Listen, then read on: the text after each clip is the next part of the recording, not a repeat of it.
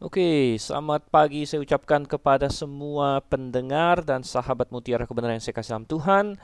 Atau selamat siang, selamat malam kalau Anda mendengar ini pada siang hari, pada malam hari. Saya merekam ini pada pagi hari sekitar jam jam 9, jam 10 Dan hari ini uh, cuaca di tempat saya merekam di sini di Jakarta Utara agak sedikit mendung.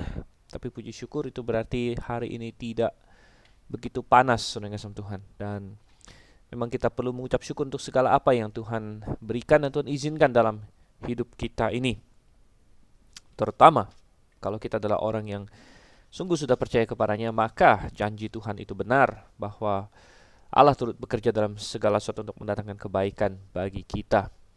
Dan bahwa Anda hari ini pada saat ini sedang mendengarkan Mutiara Kebenaran acara bersama dengan saya Dr. Stephen Einstein Liao maka itu berarti juga bahwa Tuhan telah memimpin Anda untuk menemukan acara ini dan jika Tuhan berkenan kita akan memakai sekitar 40 menit sampai 1 jam ke depan membahas kebenaran firman Tuhan yang dalam acara Mutiara Kebenaran kita sudah sampai di kitab ulangan pasalnya yang ke-28 dan sudah yang kasih Tuhan kalau Anda baru saja bergabung dengan kita, ketahuilah bahwa dalam acara Mutiara Kebenaran kita membahas kira-kira satu pasal Alkitab per sesi, satu sesi berkisar antara 40 sampai 60 menit, ya, plus minus. Uh, kita sih menargetkan sekitar satu jam gitu ya. Uh, namun ada pasal yang pendek, ada pasal yang panjang. Kadang-kadang ada pasal yang digabungkan bahkan, atau ada pasal yang saking panjangnya kita harus bahas dalam uh, lebih dari satu sesi. Oke, tapi kita akan masuk ke dalam ulangan pasal yang ke-28 hari ini. Dan ini adalah pasal yang panjang sudah Tuhan. Ada 6, 68 ayat di sini. Namun saya memprediksikan bahwa kita akan menyelesaikannya dalam waktu yang tersedia bagi kita. Oke. Acara Mutiara Kebenaran ini awalnya memang didesain untuk ke program radio, yaitu Radio Berita Klasik di Jakarta, salah satu pelayanan dari GBIA Grafe, Gereja Baptis Independen Alkitabiah Grafe. Namun belakangan akhirnya acara Mutiara Kebenaran kita uh, buka ya, bukan hanya untuk radio berita kasih, tapi untuk semua radio yang lain yang mau dan juga untuk didengarkan secara online mungkin atau di, disebarkan melalui USB atau melalui uh, podcast gitu. Oke, okay, dan tidak terasa kita sudah sampai ulangan pasal 28 berarti kitab ulangan hampir selesai. Ulangan ada 34 pasal dan itu juga berarti kitab Pentatuk hampir selesai. Kitab Pentatuk adalah kitab-kitab Musa, lima kitab pertama, Kejadian, Keluaran, Imamat, Bilangan sudah kita bahas dan Ulangan juga sedang kita bahas dan sudah hampir selesai. Ada banyak sekali kebenaran firman Tuhan yang terdapat di dalamnya yang sudah kita gali, sudah kita uh, nikmati bersama dan saya harap Anda semua berpegang dan menghargai kebenaran seperti mutiara. Mari kita buka Alkitab kita. Saya harap Anda bisa uh, mengikuti pembahasan kita dengan Alkitab di tangan Anda. Dan kita buka di dalam ulangan pasalnya yang ke-28 ini. Oke, sebelum kita membacanya, kita akan berdoa terlebih dahulu. Bapak ini surga, kami sangat mengucap syukur Tuhan untuk kasih setia pada kami pada hari ini Tuhan. Apa pun kondisi kami di mana pun kami berada, karena hamba tidak tahu siapa saja yang mendengarkan uh, acara ini, namun hamba tahu bahwa bagi setiap orang yang mengenal Engkau, Engkau adalah Allah yang setia, Allah yang baik, dan Engkau uh, menyertai anak-anakmu, dan Engkau yang kiranya membukakan hati dan pikiran semua kami yang mau belajar firman-Mu agar kami sungguh-sungguh memahami mengertinya. Dan bukan hanya itu kami mau bertindak demi kebenaran. Kami mau mengambil keputusan untuk berpegang kepada kebenaran. Terima kasih Tuhan kami berdoa dalam nama Yesus Kristus. Amin. Ulangan pasal yang ke-28.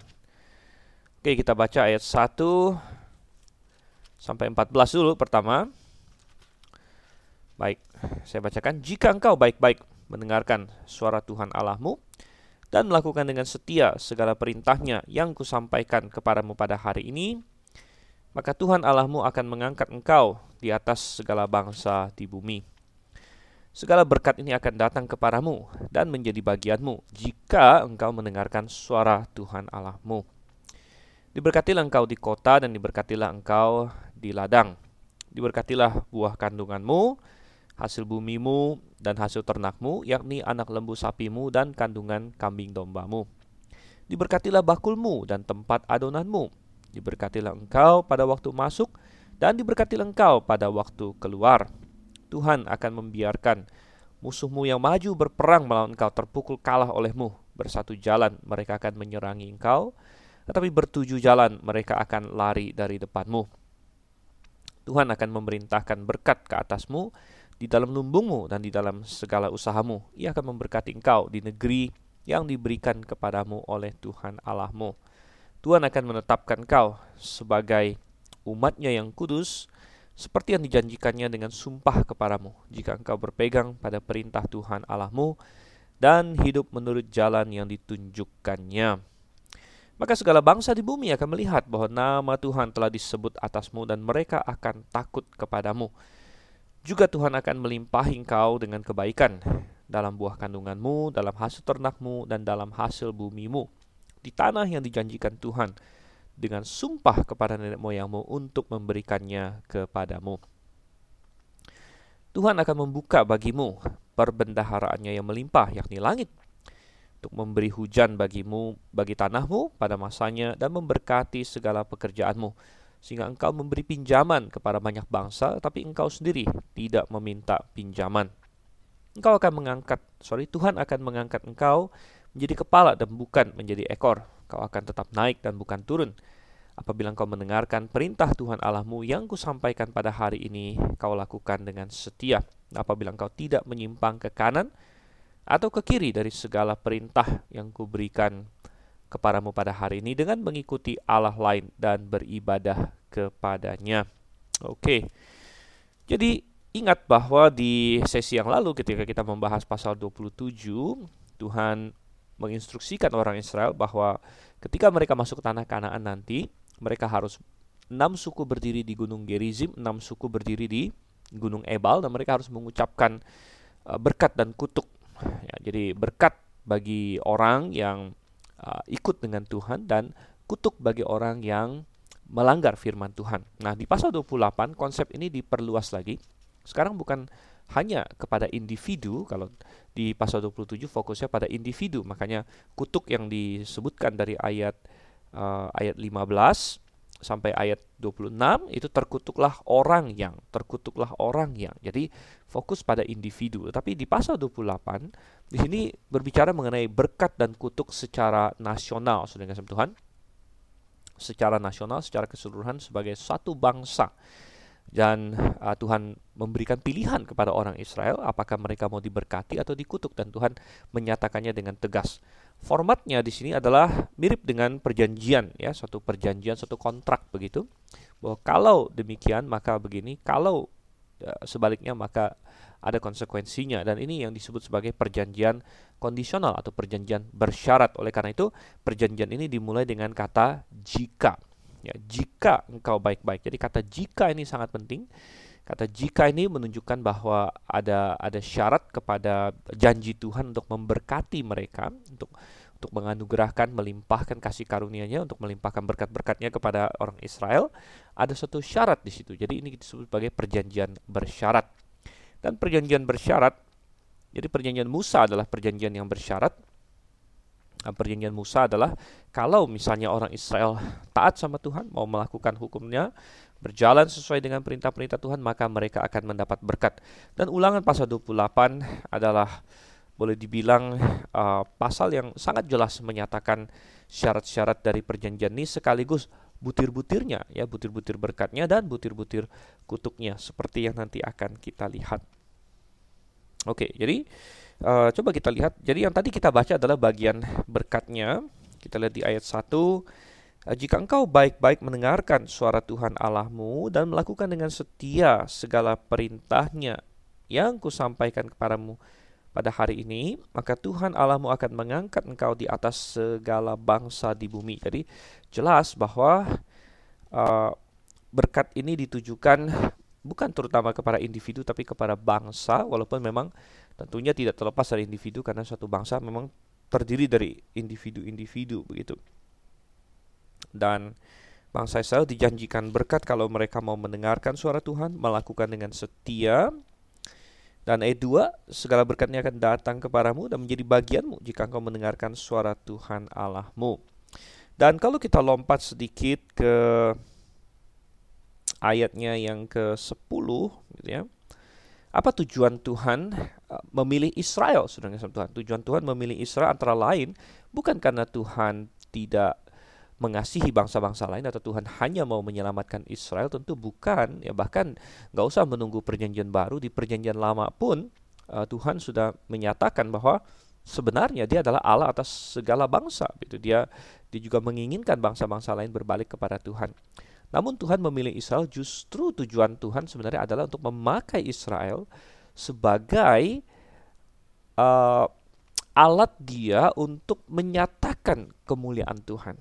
Israel sebenarnya dirancang dari awalnya untuk menjadi saksi bagi Tuhan sehingga mestinya Israel inilah yang memenangkan bangsa-bangsa lain begitu. Jadi kadang-kadang orang Yahudi jadi salah kaprah begitu salah konsep bahwa mereka merasa dirinya mereka adalah bangsa pilihan mengeksklusikan bangsa-bangsa lain. Nah, memang benar mereka adalah orang pilihan, namun mereka orang pilihan, mereka seharusnya justru mengasihi bangsa-bangsa lain dan uh, mereka seharusnya justru nanti memenangkan bangsa-bangsa lain untuk mengenal Tuhan yang benar ya dan dalam periode-periode tertentu dalam sejarah Israel itu itu terjadi begitu. Oleh sebab itu di ayat yang ke-10 tadi dikatakan, maka segala bangsa di bumi akan melihat bahwa nama Tuhan telah disebut atasmu dan mereka akan takut kepadamu. Ini adalah tujuan dari Tuhan bahwa uh, Israel taat kepadanya, maka Tuhan memberkati Israel. Israel menjadi pemimpin bangsa-bangsa. Tadi di ayat 1 kan dikatakan akan mengangkat engkau di atas segala bangsa di bumi. Dan Israel menjadi kuat, Israel diberkati dengan luar biasa dan bangsa-bangsa yang melihat, "Wih, kenapa bangsa ini diberkati sedemikian rupa?" gitu kan. Rupanya mereka uh, mengenal Tuhan yang benar, mereka punya hukum-hukum yang yang yang adil yang berasal dari Tuhan yang benar dan dan itu membuat bangsa-bangsa lain ingin mengejar Tuhan yang benar juga begitu. Jadi itu adalah tujuannya. Nah, tetapi kita melihat bahwa uh, Israel sering gagal nanti kita akan lihat dan kita akan masuk ke bagian kutuk nanti uh, dan uh, dengan adanya uh, berkat yang begitu besar bagi Israel, ada tanggung jawab yang besar juga. Karena mereka adalah bangsa pilihan yang akan Tuhan berkati dengan luar biasa kalau mereka taat sama Tuhan, tetapi ada konsekuensinya, yaitu bahwa kalau mereka tidak taat sama Tuhan, maka Tuhan juga akan membuat mereka menjadi contoh. Jadi Israel punya kesempatan untuk menjadi contoh positif dan punya kesempatan untuk menjadi contoh negatif. Dan sayangnya mereka pernah dua-duanya contoh positif contoh negatif namun jauh lebih sering mereka sebagai contoh negatif justru ya dan uh, di mana Tuhan nanti kita akan lanjutkan ya di bagian kutuk kalau mereka meninggalkan Tuhan Tuhan akan mengutuki mereka sedemikian rupa uh, sehingga bangsa-bangsa juga akan kaget gitu loh kok ada bangsa yang sedemikian sedemikian uh, dalam tanda kutip sial atau sedemikian tidak beruntung atau sedemikian terkutuk oh rupanya karena mereka meninggalkan uh, Tuhan mereka gitu. Nah, tapi kita melihat sekarang kita masih di bagian yang berkat di mana Tuhan berjanji memberkati mereka. Apa-apa saja yang Tuhan janjikan memberkati mereka ya di ayat 3 diberkati engkau di kota atau di ladang gitu. Jadi Tuhan berjanji untuk memberkati domisili mereka. Ya, jadi di mana pun mereka tinggal berdomisili, ya baik itu di kota, baik itu di ladang, Tuhan akan menyertai mereka begitu. Dan ya kadang-kadang kita berpikir bahwa uh, ya terutama ya suku-suku tertentu kan punya banyak tahayul ya. Saya kebetulan saya sendiri dari suku Tionghoa, seorang orang Indonesia suku Tionghoa. Dan uh, suku Tionghoa punya banyak punya banyak apa? tahayul-tahayul. Mereka ada feng shui ya, mungkin uh, banyak yang pernah mendengar ada feng shui. Feng shui itu uh, melihat bagus tidaknya suatu lokasi atau suatu rumah atau suatu suatu tempat ya, suatu bisnis, tempat bisnis atau lain sebagainya berdasarkan wah segala tahayul lah ya, ada yang pintunya mesti gimana atau letaknya di uh, rumah itu tusuk sate lah atau lain sebagainya. Bahkan angka-angka ya, wah ini nomor rumahnya ada empatnya itu kurang bagus, sial dan lain sebagainya. Tapi sering Tuhan itu semua adalah nonsens sebenarnya, nonsens dan itu semua adalah tahayul dan uh, kalau kita berada dalam Tuhan dan kalau Tuhan mau memberkati kita maka di mana pun itu bagus. Ya Tuhan berkata diberkati engkau di kota diberkati engkau di ladang begitu. Jadi uh, ini semua adalah tergantung kepada berkat Tuhan begitu. Kemudian ayat yang keempat diberkatilah buah kandunganmu hasil bumimu hasil ternakmu yakni anak lembu sapimu dan kambing uh, kandungan kambing dombamu. Jadi uh, di sini banyak bicara mengenai buah kandungan ya baik buah kandungan manusia ya jadi itu tentu hal yang sangat penting. Uh, salah satu hal yang paling uh, kita kasihi adalah anak-anak kita dan itu dimulai dari sejak di dalam kandungan sudah kasih Tuhan. Uh, dan tentu semua yang sudah pernah menjadi orang tua pasti pernah merasakan ya ketika uh, istri hamil ya baik baik istri maupun suami sama-sama care dan concern. Tentu ini bicara mengenai keluarga yang sehat care dan concern dan berusaha memberikan yang terbaik kepada uh, bayi yang masih dalam kandungan sampai dia keluar sekalipun gitu. Uh, dan uh, ya tentu kalau kita orang percaya kita tentunya meminta berkat Tuhan juga di situ ya. Kita doakan anak kita yang yang berkembang dalam rahim dan sebagainya. Dan ya Tuhan berjanji uh, kepada orang Israel waktu itu akan memberkati buah kandungan mereka kalau mereka taat sama Tuhan. Um, dan kita melihat di sini bahwa bukan hanya itu tapi juga ternak ya, ternak, anak lembu sapi itu semua adalah pekerjaan mereka. Jadi Tuhan berjanji untuk memberkati pekerjaan atau usaha mereka. Sangat luar biasa kita perlu berkat Tuhan dalam dalam pekerjaan kita, dalam bisnis kita. Diberkatilah bakulmu, tempat adonanmu ya kembali masalah ekonomi di sini, masalah pekerjaan, masalah bisnis. Uh, waktu itu adalah masyarakat agraris itu. Jadi Tuhan uh, memberkati ladang-ladang mereka, ya bakul mereka, tempat adonan mereka. Ayat 6. Diberkati engkau pada waktu masuk, diberkati engkau pada waktu keluar. Jadi ini berbicara mengenai aktivitas. Jadi ketika mereka beraktivitas, ya waktu mereka masuk, waktu mereka keluar, um, ya sebenarnya dunia ini penuh dengan ketidakpastian sudah dengan Tuhan ya penuh dengan ketidakpastian dan saya kebetulan merekam ini tahun 2020 Juni 2020 um, tentu masih hangat-hangatnya dan masih berada di dalam di tengah-tengah pandemi ya walaupun Indonesia Jakarta sudah new normal katanya new normal tapi kita masih dalam pandemi dan banyak orang karena pandemi waduh ya uh, berhati-hati dan bagus berhati-hati. Saya sangat setuju ya kita harus berhati-hati kita harus uh, mengutamakan kesehatan dan menjalankan protokol kesehatan seperti uh, masker cuci tangan yang rajin kemudian uh, ya sebisa mungkin social distancing, physical distancing ya. Namun saudara kasih Tuhan, kita ya hidup ini penuh dengan ketidakpastian begitu. Penuh dengan ketidakpastian. Tidak mungkin juga ya karena ada pandemi ya kan akhirnya dicoba lockdown kan. Ada negara-negara tertentu lockdown ya.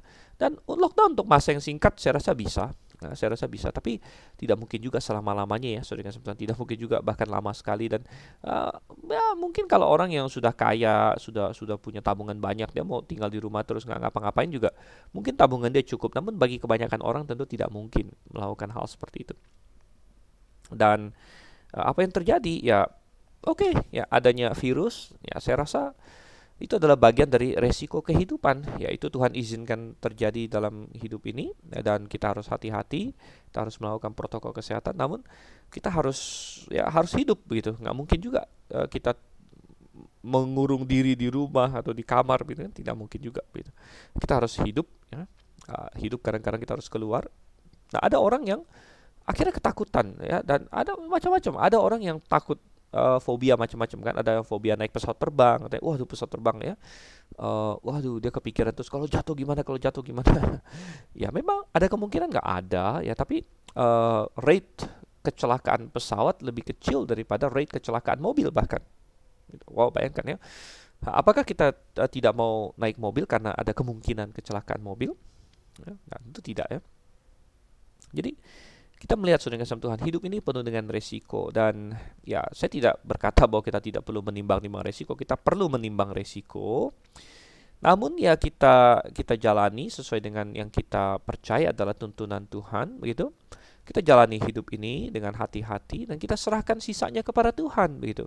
Ada orang yang sudah super hati-hati ada orang yang sudah super uh, ya istilahnya sangat ini ya, sangat peduli dengan kesehatan, hati-hati dan sebagainya. Eh ternyata Ya kalau memang ada celakanya, ada celaka juga saudara Tuhan. Jadi uh, intinya kita berkata orang berbahagialah orang yang punya kepastian di dalam Tuhan. Ya, kepastian dalam Tuhan itu bukan bukan pasti enak di dunia, tapi pasti bahwa apa pun yang terjadi di dunia ini kita punya punya keselamatan dan pasti bahwa uh, Tuhan bekerja untuk kebaikan kita. Bahkan kalau dia berkata memang saatnya bagi kita untuk pulang kembali kepada dia, kita berha- kita bisa bersuka cita karena itu.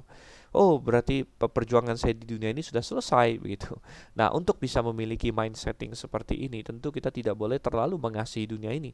Orang yang terlalu mengasihi dunia ini, apa kata Tuhan, kasih akan Bapa tidak ada padanya. Dan dia tidak bisa punya damai sejahtera yang begitu tenang bahwa ya kalaupun memang Tuhan menganggap saya sudah selesai di dunia ini, haleluya begitu, haleluya. Tapi oh, saudara banyak orang Kristen yang Mungkin karena dia uh, Tuhan memberkati dia. Kadang-kadang saya temukan suatu paradoks juga ya. Ketika Tuhan memberkati kita begitu besar sampai kita punya kecukupan materi dan kan, kenikmatan dunia ini, eh kadang-kadang kita malah jauh dari Tuhan. kadang-kadang kita malah berpikir, aduh, jadi kita nggak mau cepat-cepat meninggalkan dunia ini. Wah, jadi repot sudah sama Tuhan ya. Padahal ini kan berkat Tuhan begitu. Masa kita malah jadi jadi enggan untuk untuk pergi kepada Tuhan karena ah berkat Tuhan begitu banyak dalam hidup kita. Tidak seharusnya justru kita berkata, kalau berkat Tuhan yang di dunia ini saja begitu luar biasa bagi kita, wah apalagi yang di sorga begitu kan? Dan uh, bukan berarti kita mau cepat-cepat mati juga tidak. Kita di dunia ini ada tugas. Uh, tapi kalau misalnya Tuhan berkata tugas kamu sudah selesai, tugas kamu sudah selesai Stephen, ya oke okay, Tuhan ya moga-moga Tuhan berikan saya kasih karunia untuk bisa berkata pada saat itu pada saat tugas saya selesai dan Tuhan berkata sudah selesai dan itu bisa terjadi kapan saja ya saya tidak bisa tahu apakah hari ini besok atau entah berapa tahun lagi ya Tuhan bilang tugasmu sudah selesai. Ya, saya berdoa Tuhan berikan saya kasih karunia, ketenangan dan sejahtera untuk berkata amin, haleluya. Ya, dan saya sudah uh, menjalankan suatu pertempuran, suatu suatu pertandingan yang baik. Saya sudah lari dengan baik dalam hidup ini dan uh, ada tersedia bagiku mahkota, ya, seperti Paulus katakan demikian kan. Jadi uh, kita perlu hati-hati terhadap pandemi, terhadap COVID benar, perlu hati-hati terhadap kecelakaan benar ya. Uh, dan kita tidak ada seorang pun yang tahu. Hari ini kan fokusnya pandemi, pandemi, pandemi. Orang takut COVID, COVID, COVID ya. Namun uh, siapa pun bisa tiba-tiba kena uh, berita, "Wih, tiba-tiba kena kanker ya. Ada begitu banyak penyakit yang yang mengintai. Jadi kalau kita tidak punya kepastian dalam hidup manusia ini bisa hidup dalam ketakutan terus menerus ketakutan. Bagaimana kalau tiba-tiba besok saya wah terdiagnosis kanker. Bagaimana kalau besok tiba-tiba oh saya serangan jantung. Sehingga orang obsesif dengan kesehatan ya. Saya tidak berkata kesehatan tidak perlu dijaga loh saudara. Jangan salah ya, kesehatan harus sangat dijaga. Saya sendiri rutin olahraga. Namun itu jangan kita jangan terobsesi dengan itu. Kita harus apa yang kata Alkitab katakan, latihan badani terbatas gunanya tuh eh, Paulus bilang kepada Timotius ya. Latihan badani terbatas gunanya namun ibadah atau godliness, kesalehan itu berguna untuk segala sesuatu. Jadi kita serahkan sama Tuhan ya. Tuhan bilang apa? Diberkati engkau pada waktu masuk, diberkati engkau pada waktu keluar. Dan tujuh, Tuhan akan ini ya uh, ayat 7 kembali ke ulangan 28 sekarang tentang peperangan. Peperangan Tuhan akan membantu Israel dalam peperangan gitu. Uh, benar Tuhan ketika Israel taat sama Tuhan mereka menang terus menang terus dengan hal-hal yang mustahil gitu ya bisa satu lawan seratus bisa uh, Gideon pakai 300 orang mengalahkan seratus ribu orang bayangkan wow itu luar biasa sampai Tuhan bilang 30 ribu aja kebanyakan turun 10 ribu kebanyakan sampai tinggal 3 sampai 300 orang Saudara saya pernah membaca bahwa um, di sekolah-sekolah militer ya di Amerika di sekolah militer mereka ketika mereka mempelajari peperangan-peperangan uh, masa lalu mereka biasanya tidak mau mempelajari peperangan Israel. Kenapa? Katanya terlalu nggak masuk akal katanya ya. Jadi peperangan-peperangan Israel itu tidak bisa dijadikan basis untuk mengecek taktiknya gimana, strateginya gimana, nggak masuk akal katanya gitu, nggak masuk akal. Kok bisa menang gitu kan? Uh, dengan dengan begini kok bisa menang? Jadi akhirnya tidak tidak di, tidak dipelajari dan ya itu saya ketawa-ketawa aja memang karena tidak bisa dipelajari karena uh, kalau peperangan-peperangan Israel banyak yang ada campur tangan Tuhan entah itu entah itu untuk menolong mereka atau entah itu untuk mencelakakan mereka seperti nanti kita akan lihat di di di kutub begitu ayat 8 ya memberkati lumbung itu sama ekonomi masalah ekonomi dan lain sebagainya nah, kita kembali ber, ber, uh, bergantung sama Tuhan dan yang paling penting di antara semuanya ayat 9 sebenarnya. Tuhan akan menetapkan kau sebagai umatnya yang kudus. Seperti yang dijanjikannya dengan sumpah kepadamu. Jadi suatu janji bahwa mereka akan punya hubungan yang spesial dengan Tuhan. Ini adalah yang paling paling indah dan tanpa tanpa yang satu ini, tanpa mengenal Tuhan, tanpa menjadi umat Tuhan, semua yang lain percuma. Ya, semua yang lain percuma. Percumalah Anda punya berkat materi, percumalah Anda punya berkat kesehatan, percumalah Anda punya berkat uh, anak cucu dan lain sebagainya. Kalau Anda tidak punya hubungan dengan Tuhan. Itu semuanya percuma ya. Tapi Tuhan berjanji pada Israel bahwa mereka akan punya hubungan yang spesial dengan dia hanya menjadi umat kesayangannya begitu. Ayat 10 tadi sudah kita bahas. Ayat 11 uh, menekankan sekali lagi mengenai buah kandungan yang sudah kita bahas ya. Dan ada satu poin di ayat 11 di tanah yang dijanjikan Tuhan dengan sumpah kepada nenek moyang untuk memberikannya kepadanya. Jadi tema tanah itu sangat penting bagi orang Israel. Kalau mereka taat sama Tuhan mereka akan akan uh, berada dalam tanah itu dan kalau mereka terbuang dari tanah itu atau terjajah di tanah itu itu pertanda hukuman Tuhan gitu ya. Dan uh, 12 ayat 12 ya sama membuka langit hujan hujan sangat penting bagi daerah Kanaan karena daerah Kanaan tidak seperti Mesir. Mesir itu hujannya sangat sedikit sekali. Ya, tetapi mereka punya sungai Nil dan mereka harus bikin irigasi yang dibuat oleh manusia di situ.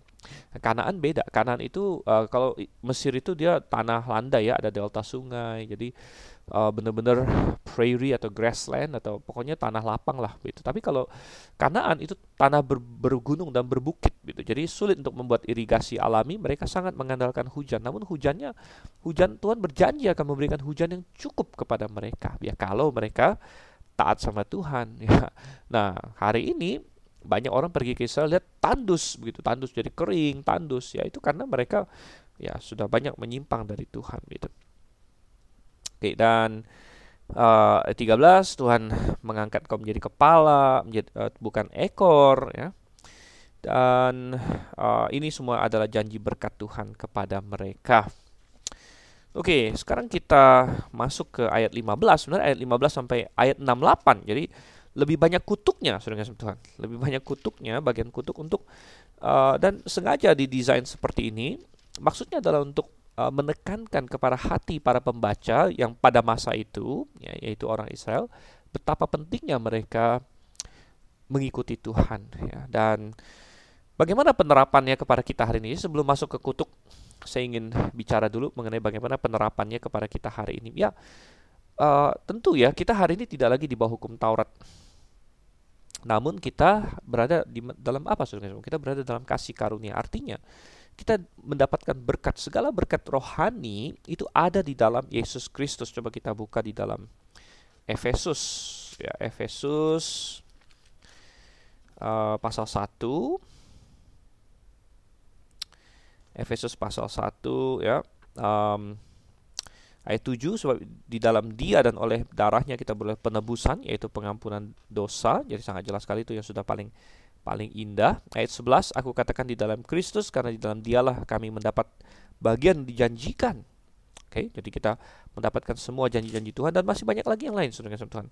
Um, pasal 2 kita lihat di sini ya. Pasal 2 uh, ayat 6 dan di dalam Kristus Yesus ia telah membangkitkan kita juga dan memberikan tempat bersama-sama dengan dia di sorga supaya pada masa yang akan datang ia menunjukkan kepada kita kekayaan kasih karunia-Nya yang melimpah-limpah sesuai dengan kebaikannya terhadap kita dalam Kristus Yesus.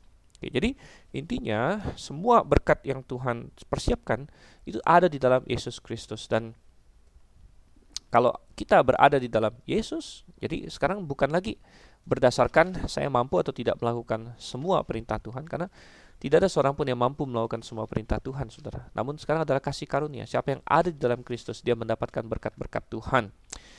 Dan bagaimana caranya berada dalam Kristus? Nah, ini dijawab di dalam Filipi 3 ayat 9. Filipi 3 ayat 9 dan berada dalam dia, siapa dia? Yaitu Kristus. Berada dalam dia bukan dengan kebenaranku sendiri, jauh bukan karena saya hebat, karena mentaati hukum Taurat, melainkan dengan kebenaran karena kepercayaan kepada Kristus, yaitu kebenaran yang Allah anugerahkan berdasarkan kepercayaan. Jadi jelas sekali uh, kita berada dalam Kristus melalui iman. Ya, ini adalah satu hadiah, satu kasih karunia yang Tuhan telah persiapkan yang bisa kita dapatkan melalui iman kepada Yesus Kristus. Nah, Namun, saudara kasih Tuhan, apakah itu berarti bahwa setelah kita percaya Yesus, berada dalam Yesus, kita tidak perlu hidup taat sama Tuhan? Oh, bukan demikian. Ya, kita tetap perlu hidup taat sama Tuhan. Karena ketika kita berada dalam Yesus Kristus, ya memang segala berkat rohani uh, ada di dalam Yesus Kristus. begitu. Namun, seberapa banyak kita bisa menikmati berkat-berkat rohani itu tergantung seberapa dekat kita dengan Tuhan begitu. Ya memang kalau Anda berada dalam Kristus, Anda diselamatkan, Anda minimal sudah sudah mendapatkan uh, keselamatan, Anda sudah lahir baru kan, Anda akan masuk sorga karena karena Yesus menyelamatkan Anda begitu. Namun uh, di dalam hidup Anda di dalam Kristus ini, seberapa Anda dekat dengan Tuhan, maka seberapa banyak itu pula Anda menikmati, begitu, menikmati kasih karunia itu, karena kasih karunia itu ada di dalam Yesus Kristus, begitu. Jadi ketika kita sudah percaya Yesus, namun hidup kita uh, banyak ngaco dan sebagainya, kita sering jatuh dalam dosa, maka maka Tuhan akan mendisiplin kita dan kita akan bagaikan anak ya, anak kita bayangkan kita kan anak Allah kalau kita percaya, uh, kita anak Allah Lalu apa yang terjadi ya? Uh, kita anak Allah, Bapak kita ini maha kaya, maha luar biasa. Kita uh, sebenarnya kita bisa tinggal di rumahnya, misalnya yang yang rumah yang kayak istana begitu dengan segala fasilitasnya kita bisa ada di sana. Namun pada prakteknya kita tidak mau gitu. Kita lebih memilih dosa misalnya. Kita lebih memilih berarti itu seperti kita lari keluar dari rumah yang milik kita kita masuk ke gubuk-gubuk, kita tidak mau makan makanan yang yang disediakan yang lezat-lezat, kita malah uh, mengais-ngais tong sampah, jalan ke sana kemari, maka sekalipun semua berkat itu sudah disediakan dalam Yesus Kristus, namun ketika kita hidup jauh dari Tuhan, ya, bagi orang yang sudah diselamatkan, berarti kita seolah-olah tidak tidak menggunakan fasilitas itu. Ya, tidak menggunakan fasilitas itu, kita tidak menikmati uh, hal-hal uh, yang Tuhan sudah sediakan bagi kita. Dan itu yang sering terjadi bagi orang percaya saya lihat ya. Ada orang yang sudah percaya Yesus namun akhirnya tidak bertumbuh karena ditipu. Ditipu oleh dunia ini ditipu oleh iblis ditipu oleh kedagingan dia sendiri. Dia dia dia jatuh dalam dosa dan lain sebagainya. Dia hidup dalam dosa. Uh, dia dia dia uh, maksudnya dia intinya dia dia berkecimpung dalam dosa ya walaupun tidak bisa lama-lama juga bagi orang percaya karena Roh Kudus akan akan serang dia akan akan tusuk hatinya gitu. Uh, dan artinya itu apa? Artinya dia mengabaikan ya berkat-berkat yang begitu indah itu. Jadi sebenarnya berkat sudah menjadi milik orang percaya gitu ya. Dan akhirnya mereka merasakan efek dari dosa. Wow ya efek dari dosa. Nah, coba kita lihat di dalam Ulangan 28 kembali ayat 15 di sini. Ini adalah mengenai Israel dan Israel uh, Tuhan akan kutuk kalau mereka tidak taat. Jadi ada jika lagi ayat 15. Tapi jika engkau tidak mendengarkan suara Tuhan Allahmu dan tidak melakukan dengan setia segala perintah dan ketetapannya yang kusampaikan kepadamu pada hari ini, maka segala kutuk ini akan datang kepadamu dan mencapai engkau. Gitu. Nah, puji syukur kita tidak lagi hidup di bawah kutuk. Ya, di dalam Galatia jelas dikatakan bahwa Yesus Kristus telah uh, menjadi kutuk bagi kita, dia sudah menanggung hukuman yang seharusnya bagi kita. Ya, namun sekali lagi saya katakan bukan berarti orang Kristen yang sudah lahir baru tidak punya tanggung jawab. Kita punya tanggung jawab karena karena kita sudah diselamatkan dan kalau kita tidak hidup sesuai dengan Tuhan, ya kalau kita menyimpang dari firman-Nya, nomor satu Tuhan akan disiplinkan kita dan nomor dua, ya kita berarti kita mengabaikan dan kita tidak akan menikmati berkat-berkat yang Tuhan telah sediakan. Itu karena berkat-berkat yang Tuhan sediakan itu bisa kita uh, nikmati di dalam ketaatan kepada Tuhan, ya, dalam ketaatan kepada Tuhan. Oke, okay, dan um, kita lihat lagi di sini ayat 16 sekarang ya. Dan ada banyak hal di sini adalah kebalikan dari berkatnya, namun ada banyak penekanan yang uh, Tuhan berikan. Terkutuklah engkau di kota dan terkutuklah engkau di ladang. Ini berbalik dengan yang tadi, diberkati engkau di kota, diberkati engkau di ladang di ayat 3 di situ.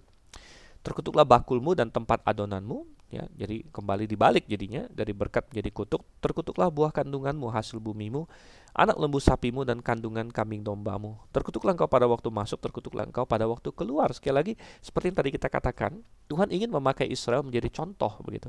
Kalau mereka taat sama Tuhan, Tuhan akan berkati mereka. Bangsa-bangsa lain lihat, wow dan dan kagum dan bisa datang kepada Tuhan, mengenal Tuhan. Tapi kalau Israel misalnya tidak taat, Tuhan akan jadikan mereka contoh juga. Jadi Tuhan jadikan contoh yang yang negatif. Ya ada orang-orang yang karena ketidaktaatan mereka Tuhan jadikan contoh negatif. Firaun misalnya, ya Tuhan bilang, "Oke, okay, aku akan aku mendirikan kau, aku mengangkat kau untuk untuk supaya namaku besar di muka bumi ini karena Firaun terus mengeraskan hati, terus mengeraskan hati." Sehingga akhirnya Tuhan bisa terus mendatangkan tulah dan Tuhan makin masyur begitu.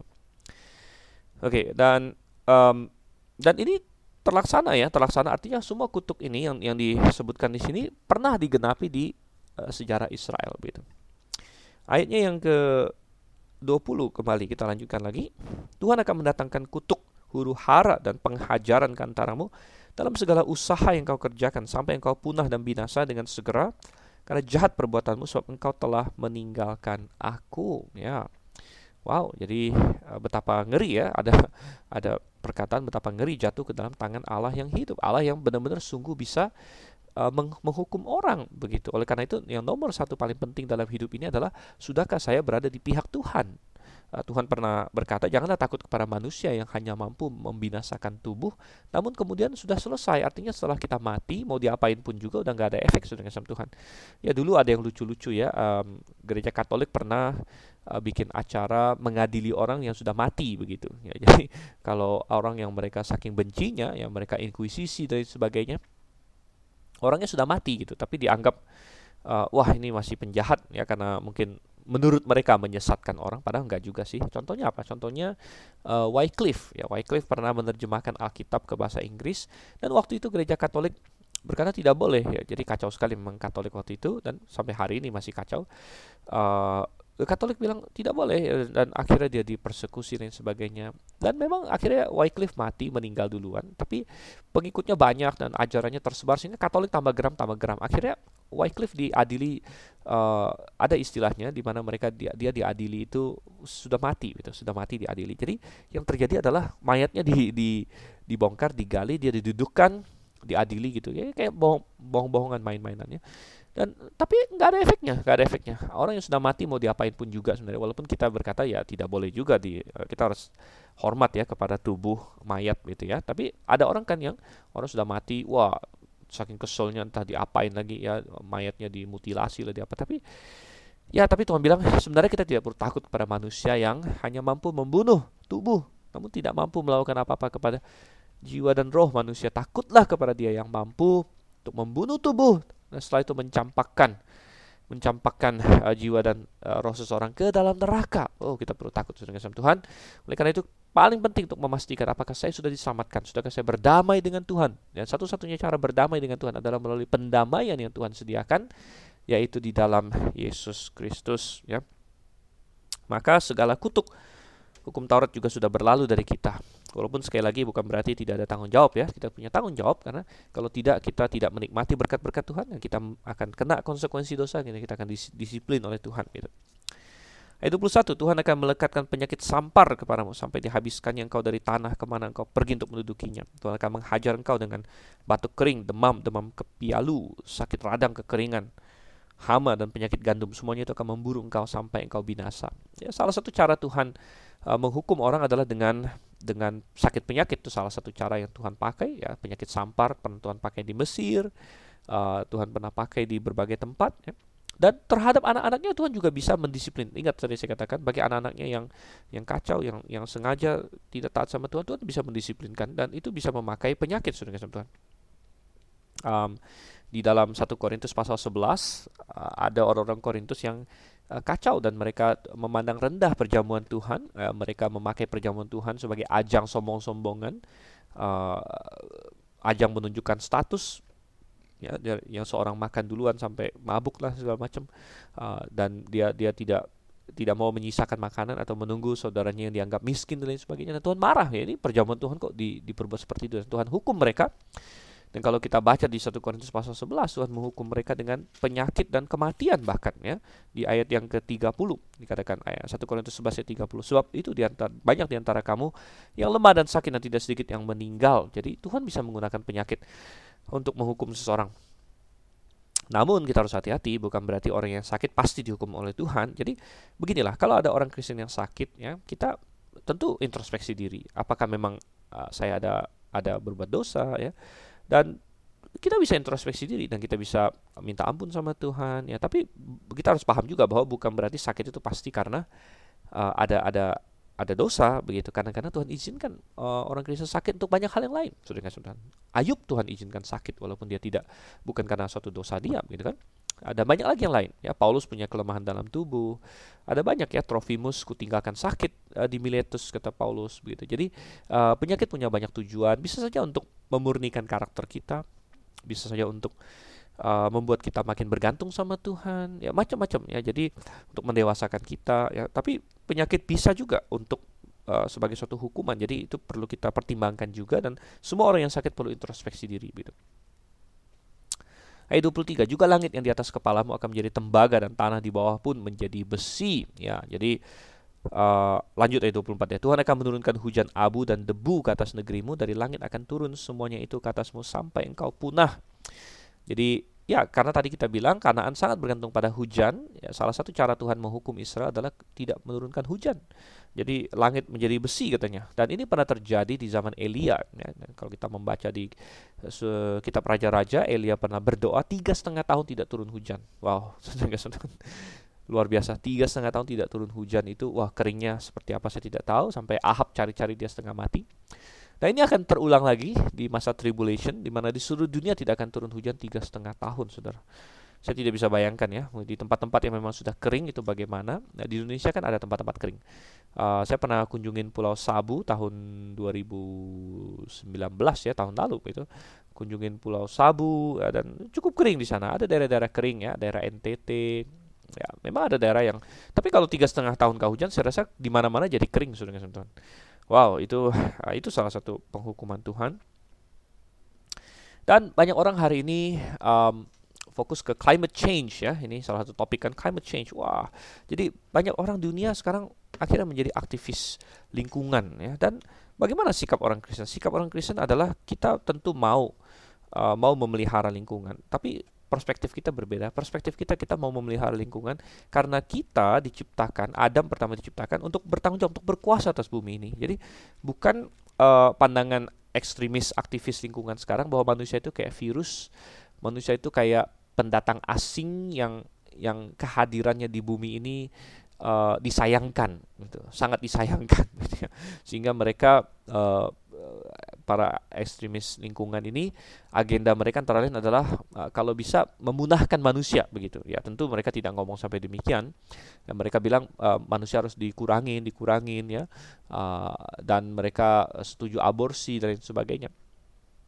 Tapi sudah kasih Tuhan tidak ya. Manusia uh, solusi terhadap masalah lingkungan adalah makin banyak orang yang mengenal Tuhan. Karena orang yang mengenal Tuhan orang Kristen yang sejati dia tidak akan hatinya di, dikuasai oleh ketamakan, ya, tidak akan dikuasai oleh ketamakan, dia akan mengasihi sesamanya dan mengasihi lingkungan. Ya, jadi solusinya adalah lebih banyak orang yang mengenal kebenaran sebenarnya. Jadi solusi rohani bukan solusi uh, ekonomi, solusi politik dan sebagainya, tapi solusi rohani. Ya. Dan Tuhan bisa memberkati, ya Tuhan bisa memberkati. Nah, kalau misalnya uh, manusia makin jahat ya karena ekstremis lingkungan ini ya akhirnya bergandeng tangan dengan LGBT lah, bergandeng tangan dengan segala macam yang lain dengan aborsi dan makin parah dan akhirnya Tuhan akan makin hukum dunia ini ya bukan makin baik ya jadi uh, bisa tidak ya nanti di masa tribulation tidak akan turun hujan tiga setengah tahun.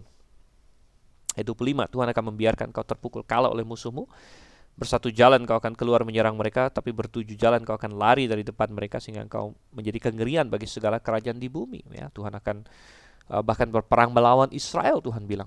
Ya, dan ini Tuhan katakan di zaman Yeremia dan lain sebagainya di mana Tuhan sudah berkata, "Hei kalian, menyerahlah kepada Babel. Babel ini adalah alatku untuk untuk menghukum kalian." Tapi orang Israel waktu itu tidak mau. Sampai Tuhan bilang, "Aku akan berperang melawan kalian." gitu. Oke, okay, uh, eh, enam mayatmu akan menjadi makanan segala burung di udara, ini karena kalah peperangan ya, mati di di ladang uh, serta binatang-binatang di bumi dengan tidak ada yang mengganggunya. Tuhan akan menghajar engkau dengan barah Mesir, dengan borok, dengan kedal dan kudis yang daripadanya engkau tidak dapat sembuh. Ya, sekali lagi segala macam sakit penyakit di sini 28 Tuhan akan menghajar engkau dengan kegilaan, kebutaan dan kehilangan akal sehingga kau meraba-raba pada waktu tengah hari seperti seorang buta meraba-raba di dalam gelap perjalananmu tidak akan beruntung. Ya tadi kalau berkati kan keluar masuk diberkati ini perjalananmu tidak akan beruntung Tuhan bilang. Tapi engkau selalu diperas dan dirampasi dengan tidak ada seorang pun yang datang menolong. Oke, jadi uh, wow luar biasa kutuk-kutuk ini. Dan ini digenapi ya. Dan kemudian kita akan lihat di sini uh, ada mereka akan mengalami ketidakadilan, mereka akan dijajah dan sebagainya yang terbukti dalam sejarah Israel ya di masa hakim-hakim bahkan di masa raja-raja ayat 30 kau akan bertunangan dengan seorang perempuan tapi orang lain akan menidurinya. Ya, tragis juga ini ya. Um, ya artinya uh, istri yang direbut orang atau tunangan direbut orang ini ini terjadi ketika suatu suatu bangsa dijajah. Engkau akan mendirikan rumah tapi tidak akan mendiaminya. Engkau akan membuat kebun anggur tapi tidak akan mengecap hasilnya. Lembumu akan disembeli orang di depan matamu tapi engkau tidak akan memakan dagingnya. Keledaimu akan dirampas dari depanmu dan tidak akan dikembalikan kepadamu. Kambing dombamu akan diberikan kepada musuhmu dengan tidak ada orang yang datang menolong engkau anak-anakmu lelaki dan anak-anakmu perempuan akan diserahkan pada bangsa lain. Sedang kau melihatnya dengan matamu sendiri dan sehari-hari engkau rindu kepada mereka dengan tidak dapat berbuat apa-apa. Oke, okay, wow. Jadi uh, ini menggambarkan berbagai penjajahan yang akan dialami oleh Israel dan ini semua digenapi sehingga ada komentator yang berkata pasal 28 ini kok uh, dibacanya seperti semacam sejarah Israel yang ditulis sebelum terjadi gitu. sejarah Israel ditulis sebelum terjadi. Tuhan sudah peringatkan gitu, ini akan terjadi, ini akan terjadi.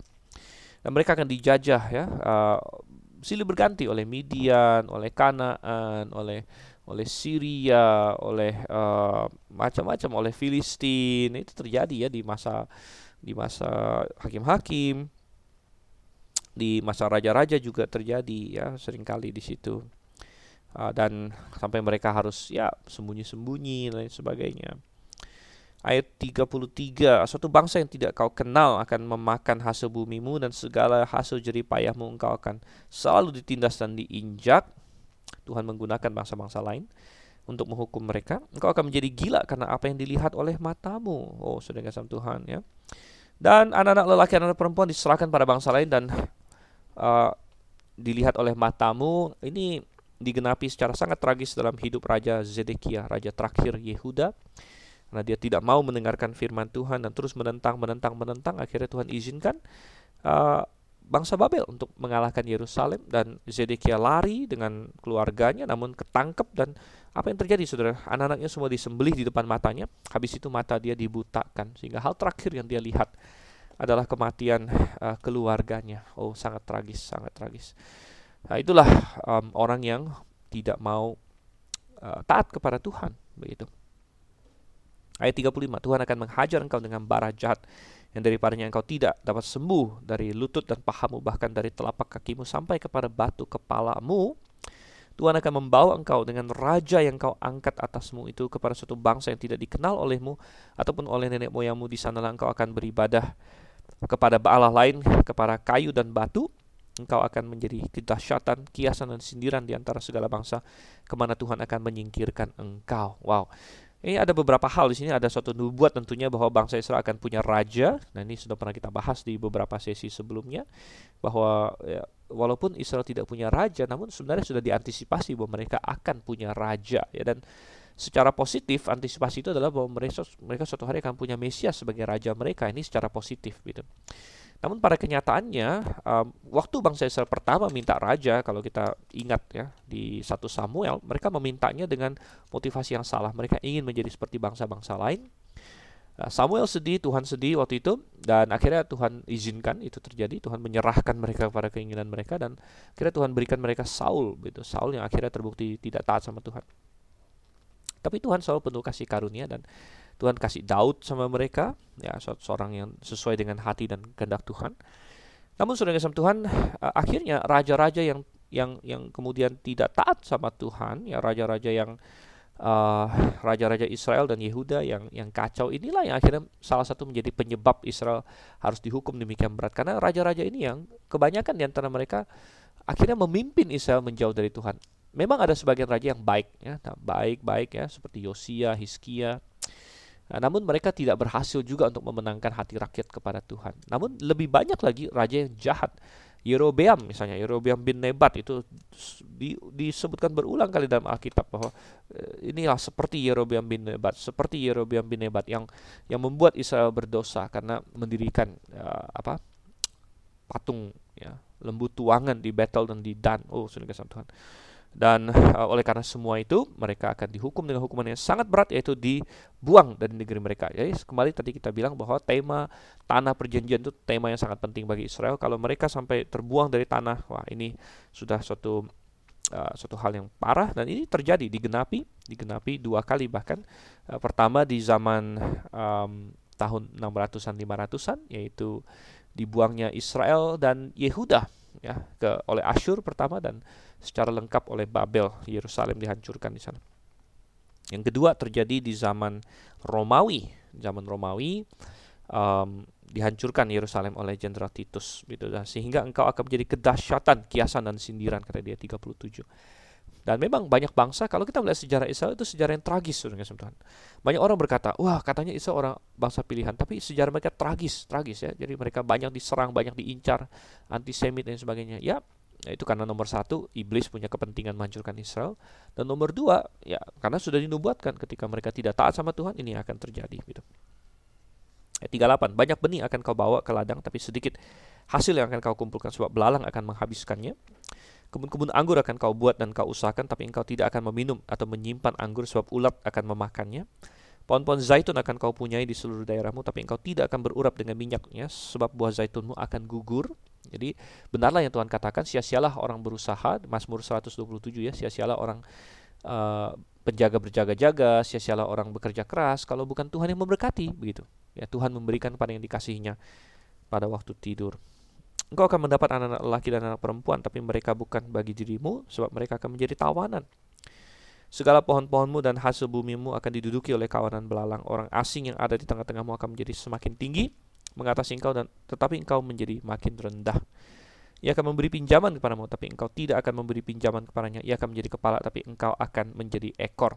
Segala kutuk itu akan datang ke atasmu, membuat memburu engkau dan mencapai engkau, sampai engkau punah karena engkau tidak mendengarkan suara Tuhan Allahmu dan tidak berpegang pada perintah dan ketetapan yang diperintahkannya kepadamu. Semuanya itu akan menjadi tanda dan mujizat di antaramu dan di antara keturunanmu untuk selamanya. Jadi Israel akan menjadi tanda, entah mereka taat sama Tuhan, mereka akan menjadi tanda yang positif. Entah mereka tidak taat sama Tuhan, mereka akan menjadi tanda yang negatif, saudara sama Tuhan. Dan ini yang yang perlu dicamkan. Oke, kita masuk lanjut ya. Hampir habis waktu kita. Wow, um, tapi kita cepat-cepat saja ayat 47. Karena kau tidak mau menjadi hamba kepada Tuhan Allahmu dengan sukacita dan gembira hati walaupun kelimpahan akan segala-galanya, maka dengan menanggung lapar dan haus, dengan telanjang dan kekurangan akan segala-galanya engkau akan menjadi hamba kepada musuh yang akan disuruh Tuhan melawan engkau. Ia akan membebankan kuk besi ke atas tengkukmu sampai engkau dipunahkan. Sungguh bodoh ya. Makanya Tuhan di, di kitab nabi-nabi di, di Yesaya, Yeremia sering berseru, wahai bangsa yang bodoh, engkau menukarkan ya, menukarkan uh, Allahmu yang sejati dengan dengan ini dengan dengan uh, patung-patung ya engkau bagaikan uh, menukarkan makanan lezat dengan ini. Engkau menolak makanan yang, enak engkau lebih memilih ya uh, apa roti yang udah gosong atau oh sudah kasih Tuhan. Ya memang secara manusia kita lihat bodoh sekali. Namun ya kita lihat banyak orang hari ini tidak tidak tidak mau ikut Tuhan. Ya padahal Yesus berkata apa? Datanglah kepadaku kuk yang kuberikan ringan. Kuk yang kuberikan ringan. Kita tinggal taat sama firman Tuhan yang ringan sebenarnya. Karena bagus, semuanya bagus. Jangan berbohong, jangan berzina semuanya. Tapi kita lebih mengikuti hal nafsu kita sehingga akhirnya kita jatuh ke dalam kuk dosa yang berat gitu. Yang Tuhan bilang seperti kuk besi di sini. Dan ingat tadi kita bilang Tuhan pernah pakai Babel, Tuhan pernah pakai Romawi untuk menghancurkan Israel. Dan Romawi adalah bangsa yang digambarkan dengan besi ya di, di mimpinya Daniel. Dan Romawi juga um, lambangnya adalah Raja Wali, ya, lambang uh, legion mereka, legion-legion mereka. Ayat 49 sangat menarik. Tuhan akan mendatangkan kepadamu suatu bangsa dari jauh, dari ujung bumi. Seperti Raja Wali datang menyambar. Suatu bangsa yang bahasanya engkau tidak mengerti. Jadi banyak orang melihat ini digenapi oleh Romawi. Ya. Suatu bangsa yang garang mukanya, yang tidak menghiraukan orang tua-tua dan tidak merasa kasihan kepada anak-anak, yang akan memakan habis hasil ternakmu dan hasil bumimu, sampai engkau punah, yang tidak akan meninggalkan bagimu gandum, air anggur atau minyak, ataupun anak lembu sapimu, atau anak kambing dombamu, sampai engkau dibinasakannya. Ya, dan um, sampai akhirnya bangsa Israel tersebar ribuan tahun setelah kehancuran Yerusalem oleh Jenderal Titus Uh, walaupun ada ada kembali tetap ada remnan tetap ada remnan ya. Ayat 52 engkau akan ditekannya di segala tempatmu sampai runtuh tembok-tembokmu yang tinggi dan berkubu yang kau percayai itu di seluruh negerimu. Bahkan kau akan ditekan di dalam segala tempatmu di seluruh negeri yang telah diberikan kepadamu oleh Tuhan Allahmu. Dan kau akan memakan buah kandunganmu yakni daging anak-anakmu lelaki dan anak-anakmu perempuan yang diberikan kepadamu oleh Tuhan Allahmu dalam keadaan susah dan sulit yang ditimbulkan musuh kepadamu. Wow, ini mulai dari 53 di sini ada digambarkan suatu keadaan yang sangat tragis di mana saking terpuruknya mereka mereka harus melakukan kanibalisme dan memakan anak mereka sendiri. Wow, Tuhan. Ayat 54. Dan orang laki-laki yang paling lemah dan paling manja di antaramu akan kesal terhadap saudaranya atau terhadap istrinya sendiri atau terhadap anaknya-anaknya yang masih tinggal padanya. Sehingga kepada salah seorang dari mereka itu ia tidak mau memberikan sedikit pun dari daging anak-anaknya yang dimakannya. Aduh, saudara kasih Tuhan, ini kondisi yang sangat luar biasa, luar biasa mengerikan karena tidak ada lagi sesuatu yang ditinggalkan baginya dalam keadaan susah dan sulit yang ditimbulkan musuhmu kepadamu di segala tempatmu. Perempuan yang lemah dan manja di antaramu yang tidak pernah mencoba menjejakkan telapak kakinya ke tanah karena sifatnya yang manja dan lemah itu akan kesal terhadap suaminya sendiri atau terhadap anak-anaknya lelaki, laki-laki atau anaknya perempuan karena uri yang keluar dari kandungannya ataupun karena anak-anak yang dilahirkannya. Sebab karena kekurangan segala-galanya ia akan memakannya dengan sembunyi-sembunyi dalam keadaan susah dan sulit yang ditimbulkan musuhmu kepadamu di dalam tempatmu. Sudah kasih Tuhan. Ini pernah terjadi di, digambarkan di dua raja-raja uh, di Samaria. Samaria pernah dikepung oleh pasukan Syria dan saking saking kelaparannya sampai ada dua wanita yang bertengkar ya bertengkar karena anak yang satu sudah dimakan tapi kemudian yang satunya lagi tidak mau memberikan anaknya dimakan dan sampai raja Israel yang waktu itu mendengarnya pun mengoyakkan uh, kain ya mengoyakkan pakaiannya tapi dia salah respon dia malah bilang kita bunuh Elisa ya. Kenapa Tuhan dia mengizinkan ini? Loh karena kalian berdosa lah mestinya mereka ingat akan firman Tuhan ini. Dan ini pernah terjadi juga eh, dalam tahun 70 yang tadi kita bilang ketika Yerusalem dikepung oleh Jenderal Titus mulai dari tahun sekitar tahun 68 kalau saya tidak salah. Tahun 68 mereka mulai dikepung dan terjadi kelaparan yang luar biasa di Yerusalem sehingga digambarkan oleh Josephus seorang seorang sejarawan Yahudi bahwa mereka sampai memakan anak-anak mereka sendiri ya. Dan orang-orang mati banyak sekali ratusan ribu dibuang ke ke keluar tembok begitu.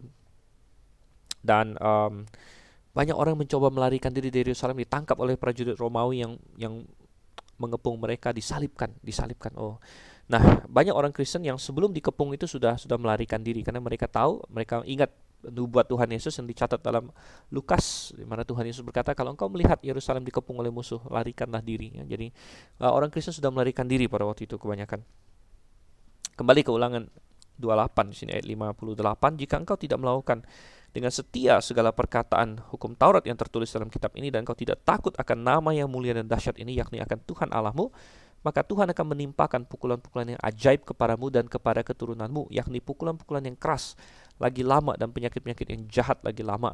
Ya, sekali lagi menggunakan penyakit. Ia akan mendatangkan pula segala wabah mesin yang kau takuti itu kepadamu, sehingga semuanya itu melekat padamu. Juga berbagai-bagai penyakit dan pukulan yang tidak tertulis dalam kitab Taurat ini akan ditimbulkan Tuhan menimpa engkau sampai engkau punah daripada kamu hanya sedikit orang yang tertinggal, padahal kamu dahulu seperti bintang-bintang di langit banyaknya, karena engkau tidak mendengarkan suara Tuhan Allahmu. Seperti Tuhan bergirang karena kamu untuk berbuat baik kepadamu dan membuat kamu banyak, demikianlah Tuhan akan bergirang karena kamu untuk membinasakan dan memunahkan kamu, dan kamu akan dicabut dari tanah ke mana engkau pergi untuk mendudukinya. Tuhan akan menyerahkan engkau ke antara segala bangsa dari ujung bumi ke ujung bumi. Di sanalah engkau akan beribadah kepada Allah lain yang tidak dikenal olehmu ataupun oleh nenek moyangmu, yakni kepada kayu dan batu. Engkau tidak akan mendapat ketentraman di antara bangsa-bangsa itu, dan tidak akan ada tempat berjejak bagi telapak kakimu. Tuhan akan memberikan di sana kepadamu hati yang gelisah, mata yang penuh rindu dan jiwa yang merana. Hidupmu akan terkatung-katung siang dan malam. Engkau akan terkejut dan khawatir akan hidupmu pada waktu pagi engkau akan berkata, ah kalau malam sekarang. Dan pada waktu malam engkau akan berkata, ah kalau pagi sekarang.